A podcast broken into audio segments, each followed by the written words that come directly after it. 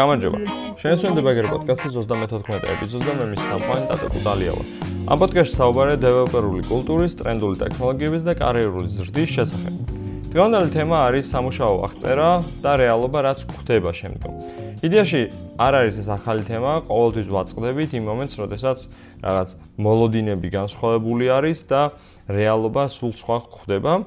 თუმცა არ მინდა ამაზე სუბიექტური საუბარი გამომივიდეს, ამიტომ მინდა ცოტა უფრო დიდ მასშტაბებზე შევხედო, კომპანიის განმოსახედიდან შევხედო რაღაცებს და ისე განვიხილო რაღაცები. ამ ეპიზოდის ჩაწერისას გავლენა იქონია სხვადასხვა პოდკასტებმა, რაც მომისმენი აქამდე, რამოდენიმე ბლოგი, რომელიც ამომიტივტივდა, თქვა news feed-ში, medium-ზე და ვიფიქრე, კი, უნდა ჩამეწერა ეს ეპიზოდი ამ კვირაში. მოდი ჯერ არ ვისაუბროთ სამუშაო აღწერაზე, ის თუ რა წერია და რა გვხდება. ვისაუბროთ ჯერ თვითონ დასაქმების მარკეტზე, დეველოპერებზე და კომპანიების პოზიციონირებაზე. დღევანდელი სიტუაციიდან მომავალშიც დეველოპერებზე დიდი მოთხოვნა არის, იქნება. ამიტომ ბევრი რაღაცაზე გვაქვს ბუნებრივად კონტროლი დეველოპერებს, ბევრი რაღაცა ჩვენი მოთხოვნები შეგვიძლია ვაქციოთ რეალურ სამუშაო მოთხოვნებად, რომლებიც ასევე სხვებზე შეიძლება გავრცელდეს და ეს ძალიან დიდ უპირატესობას გვაძლევს სხვა პროფესიებთან შედარებით ვიყოთ თქვათ უფრო უკეთეს სიტუაციაში ამ დასაქმების მარკეტზე. გარდა ამისა, დეველოპერებს ჩვენ, რა თქმა უნდა, სპეციალიზირდებით განსხვავებულ უნარჩვევებში. განსხვავებულ მიმართულებით, მაგალითად Android developer-ი, backend developer-ი, front-end developer-ი, ან კონკრეტულად რაღაცა React-ის developer-ი. ნუ ძალიან ძალიან წვრილ დეტალებში შეგვიძლია აქედან ჩასვლა. ამიტომ რაც უფრო ვიწროვდება ეს ძებნის არეალი და რთულდება, კომპანიები უფრო და უფრო მეტ დათმობაზე და რაღაცა ბენეფიტებზე წამსვლელები არიან ამ დეველოპერებისთვის და სწორედ ეს ააგდებს დეველოპერებს ძალიან მომგებიან სიტუაციაში. მეორე პლუსი რაც არის, არის თვითონ ტექნოლოგიური სფეროს დიდი პლუსი. ეს უნარჩვევები, რასაც შენ აითვისებ, არის ძალიან მოქნილი და გარდამავალი სამუშაოდან სამუშაოზე, დისციპლინიდან დისციპლინაში. მაგალითისთვის, შენ თუ ერთ კომპანიაში მუშაობ, თქვა backend developer-ად, სხვა კომპანიაში backend developer-ად გადასვლა ძალიან მარტივია, რადგან 90% შენი უნარჩვევების შეგიძლია გადაიტანო ზუსტად იგივე სამუშაო გარემოში და ის 10% რჩება, რაც იქნება შენთვის სხვა თქვა ხელსაწყოები, რაზეც უნდა იმუშაო და რაღაც აი ეგეთი დეტალები. და მეორე, დისციპლინან დისციპლინაში თუ გინდა გადასვა ეს დისციპლინას ვამბობ კონკრეტულ მიმართულებაზე მაგალითად ხარ backend developer-ი და თვლი რომ front-end development-ში რაღაცე უკეთესად გზნობ თავს და ნელ-ნელა გინდა ეს შენი გადასვლა რომ დაიწყო front-end-ისკენ. იგივე სამყაროში ტრიალებ ხელსაწყოების უმეტესობა თუ არა რაღაც ნაწილი მაინც იცი მაინც რაღაც საფუძვლები უკვე შენთვის ნაცნობი არის რაც ხდება ფრონტენდში, იცი როგორ მუშაობს ეს HTTP პროტოკოლი, იცი რაღაცა ზოგადად ეს tech ინდუსტრიაში რა ხდება, ამიტომ შენი უნარჩვევების უმეტესობა რჩება ადგილზე და კონკრეტული მიმართულებით რაც ოდნავს უნდა აითვისო, იმას იმატებ. რაც ძალიან დიდი პლუსი არის მით უმეტეს ასე სწრაფად მიმავალ ინდუსტრიაში. კიდევ ერთი რაზეც უნდა ვისაუბროთ არის დამსაქმებელი. ახლა მეორე მეორე მხარე დეველოპერებზე ხო ვისაუბრეთ. ზოგადად კარგი გარემო და კარგი დამსაქმებელი იზიდავს დეველოპერებს.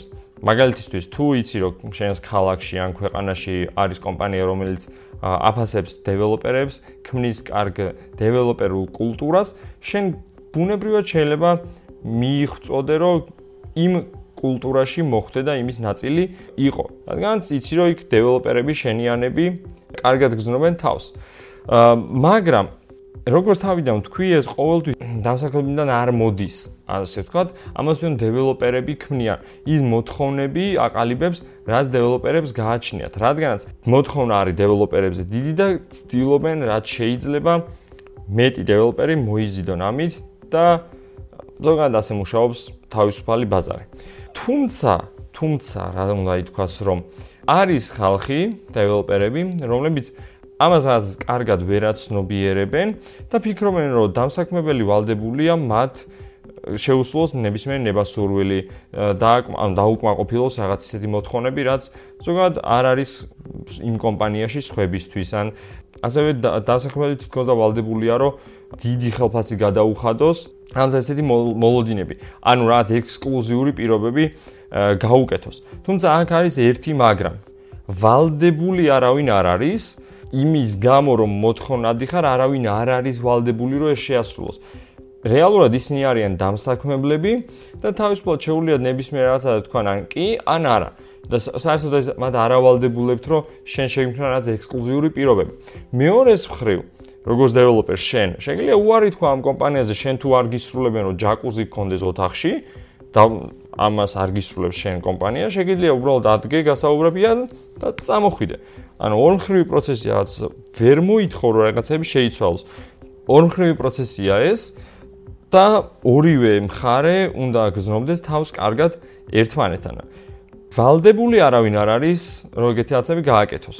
და ზოგადად ვერ მოითხოვ, რომ რაღაცეები შეიცვალოს კომპანიაში შენს გამო ან შენი ინტერესების მიხედვით. შეგიძლია იქონიო გავლენა, რომ შენი ყოფნით შეიცვალოს კომპანიაში რაღაცეები სხვებისთვისაც.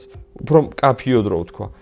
შენი მოთხოვნებით რაღაცეებს კომპანიას ვერ დაავალდებულებ, რომ შეცვალოს, მაგრამ შეგიძლია გავლენა იქონიო, რომ ეს ამინდი, როგორც ჩვენთვის, ასევე შენი თანაგუნდელებისთვის შეიცვალოს, შენი იქ ყოფნით და მიიღწოდე ამისთვის და კომპანიასაც ხელს კრავდე, რომ საერთო პირობები გაუმჯობესდეს. ეს ერთი. მეორე, რადგან ვთქვი, რომ ვალდებული არავინ არ ათქო, საბოლოოდ მაინც დავდივართ ამ ბაზრის პრინციპებზე, რომ ვისაც ფული აქვს, ის წვითავს რა როგორ გაკეთდეს და რანაირად. საბოლოო ჯამში ის ადამიანი კომპანია იქნება, დამკვეთი იქნება, კერძო კლიენტი თუ ვინ, ის წვითავს ადგანს, მას აქვს ფული და ისე უნდა გაკეთდეს, როგორც თვითონ უნდა. ასევე არის კატეგორია, რომლებიც აი თავის წესებით მოდიან, აი რო ამბობ, რაღაცეების შეცვლა უნდათ, მოთხოვნების იგივენაირ სტილში თავის წესებით მოდიან და უნდათ რომ ყველაფერი შეცვალონ, ისე როგორც თავის ნებაზე მოესურვებათ. მაგრამ არის მეორე კატეგორია, რომლებიც მოდიან ისეთ განწყობით, რომ რაღაცეები შეიცვალოს უკეთესობისკენ, ოღონდ საერთო მუშაობით და ზოგადად განწყობა აქვთ, რომ შეიცვალოთ, მაგრამ არა ისე, რომ ანარქიამ დაისადგუროს და მხოლოდ მის გემოზე გაკეთდეს რაღაცეები. იდეაში სულ ეს იყო რაც მინდა და მეთქვა დასაქმების მარკეტზე, რაც როგორც დეველოპერები და კომპანიები ერთმანეთს უყურებენ, ძალიან ამ ამოზუმული არის ასე რომ ვთქვათ. ძალიან დიდი მასშტაბიდან არის ეს დაკვირვება და არ მithქვამს აქ უშუალოდ ვიღაც პირადი სიმპათიები რომელიმე კომპანიისადმი ან თვითონ ძალიან მოწანდირებული დეველოპერები როგორ შეიძლება ღირებული იყვნენ კომპანიისთვის და ასე შემდეგ. ეს ამ ეპიზოდის მიზანი საერთოდ არ არის. ეხლა უშუალოდ ვისაუბროთ, რაც მანამდე თქვი რომ ცოტა მოგვიანებით იქნება, რაც აიკითხე განცხადება და რა ხდება რეალობაში სამსახურში. ხო? ძალიან საინტერესო თემა არის. მაგალითისთვის დავიწყოთ იმაზე საუბრით, რა არის ჩვენი მოლოდინები სამუშაო გარემოში. სულ სხვა რაღაცა წერია ფურცელზე 90% შემთხვევაში და უფრო მეტ პროცენტ შემთხვევაში კიდევ და სულ სხვა რეალობა ხდება სამსახურში, იმიტომ რომ სამსახურეობრივი რეალობა რაც არის, შენი სამუშაო რაც უნდა აკეთო, თლიანად დამოკიდებული არის ბაზარზე. იმაზე რაც რეალურ ცხოვრებაში ხდება და ბიზნესი რითაც ფულს შოულს. ამიტომ ძალიან სწრაფად იცვლება სპეციფიკაციები, ძალიან სწრაფად იცვლება თუნდაც ინსტრუმენტები, ეს ხელსაწყოები ძალიან სწრაფად იცვლება რაღაც მეთოდოლოგიები, მიდგომები, რასაც ხშირად ვერ ასახავს ეს ფურცელზე დაწერილი განცხადება და ვერ გადმოსცეს კაფიოდ რა დინამიკა არის გუნდში. ამიტომ ყოველთვის თითქმის ყოველთვის ისე არის, რომ სულ სხვა რაღაცას კითხულობ ფურცელზე, იყალიბებ შენი პირადი წარმოდგენიდან ამ და გამოცდილებიდან ასეთ რაღაცეებზე შენს მოლოდინებს და შემდგომ სულ სხვა რაღაცას ეჯახები. ისე რომ საერთოდ არც კი იყოს შეიძლება ეს კომპანიის მხრიდან, ანუ განსაზღვრული რომ შენ რაც კი არ მოგატყუონ, უბრალოდ მათ ასე ჩამოწერეს ფურცელზე, იმიტომ რომ ასე გონიათ რომ დაანახებენ სამყაროს როგორი დინამიური არის მათი გუნდი. ხო და მეორე საკითხი, აი ამ დისბალანსს რო შევეხოთ, მოლოდინების დისბალანსს არის, რომ რეალურ საქმეში ის უნარჩვევები, რასაც იყენებ, არის საკმაოდ დაუბალანსებელი. მოდი ვისაუბროთ მაგალითებით, მაგალითები უკეთესი არის.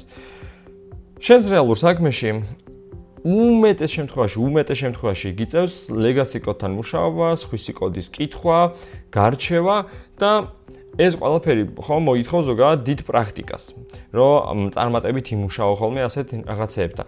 შესაბამისად, ის უნარჩვევები, რასაც იყენებ, ეს დებაგინგ, დებაგინგი კოდის, legacy კოდის გარჩევა, მუშაობა, თქვა ტესტების წერან, ანუ ის ეს ეს რაღაცეები, ფურცალზე სულ სხვანაირად მოითხოვება. იმ განცხადებაში წერია, თითქმის ყველაფერი ერთმანეთის ტოლფასად, ერთნაირი კოეფიციენტით, მაგრამ რეალურ სამუშაოზე გაცილებით სხვანაირად არის სიტუაცია. დაუბალანსებელია ყველაფერი და განსხვავებული დონით გიწევს სხვადასხვა უნარჩვევების გამოყენება. რაც ნიშნავს, რომ უბრალოდ განა გატყუებენ ფურცალზე, უბრალოდ გუნდის დინამიკა იმდენად სწრაფად სვლადი არის დავალებიდან დავალებამდე იმდენად სწრაფად რაღაცები იცვლება, რომ ამის ფურცალზე გადმოტანა არ არის მარტივი.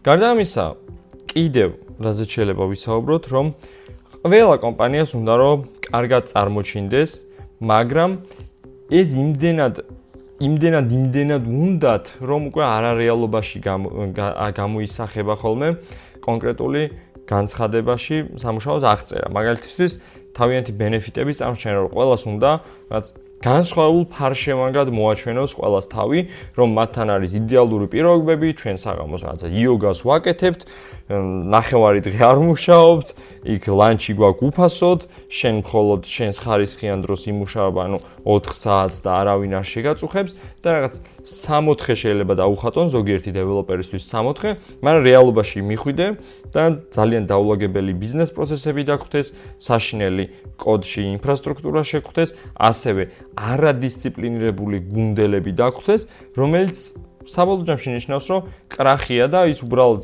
გარედან რაღაც ლამაზად შეფუთული ბუმბულები არის.